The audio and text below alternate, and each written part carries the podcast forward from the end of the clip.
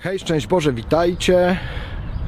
Zapraszam Was na nowy odcinek Hołk z ze Skierniewic.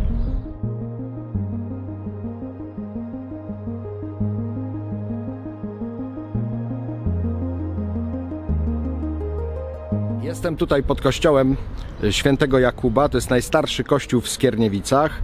Mam tu właśnie rekolekcje, głoszę rekolekcje parafialne i dla dzieci. Radzę sobie jak umiem, oczywiście. Ale mam nadzieję, że Słowo Boże pada tutaj na żyzną ziemię, dlatego że to jest w moim przekonaniu miasteczko, miasto niezwykłe, z wielkimi tradycjami, ale też dzisiaj bardzo konkretnie miasto, które jest ożywione duchowo. Wielokrotnie już mówiłem o tym, że Pan Bóg daje nowy powiew Ducha Świętego. Ten nowy powiew Ducha Świętego e, daje akcent na świeckich. To się dzieje od Soboru Watykańskiego II, a nawet wcześniej. I myślę, że to miasto może się jakoś poszczycić właśnie tym, że Duch Święty świeckich tu bardzo ożywia. Od lat e, wiele wspólnot, też takich, które nazywamy charyzmatycznymi, właśnie tutaj się zrodziło, e, tutaj się zrodziły te wspólnoty i tutaj właśnie działają i mają promieniowanie nie tylko na Skierniewice, ale i na całą Polskę, i na cały świat. Myślę tu i o Marcinie Zielińskim, ale też o bardzo wielu innych, którzy we wspólnotach e, czy Głos Pana, czy innych tutaj działają.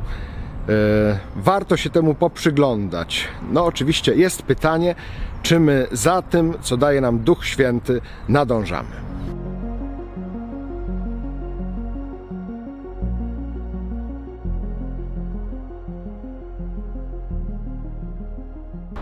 Spotykamy się ostatnio z wieloma zarzutami, czy to pentakostalizacji, czy protestantyzacji w kościele.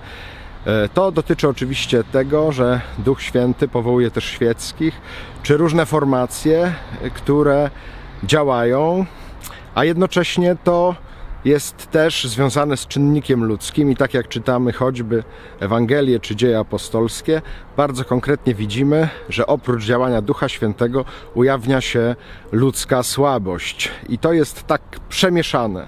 Trzeba wiele mądrości duchowej, duchowo, duchowości, duchowości też, ale takiej y, pasterskiej mądrości, tak bym powiedział, żeby to wszystko ze sobą poskładać.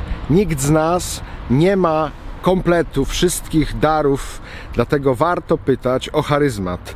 O charyzmaty osobiste każdego człowieka, ale też o charyzmat wspólnoty, o charyzmat kościoła, w którym te nowe inicjatywy się rodzą. Czy my też jako duchowni nadążamy za tym wszystkim, co Duch Święty rodzi w kościele, a jednocześnie czy jesteśmy, czy jako świeccy, czy jako duchowni, posłuszni Duchowi Świętemu, temu, co On chce czynić w Kościele, jak chce ten Kościół ożywiać.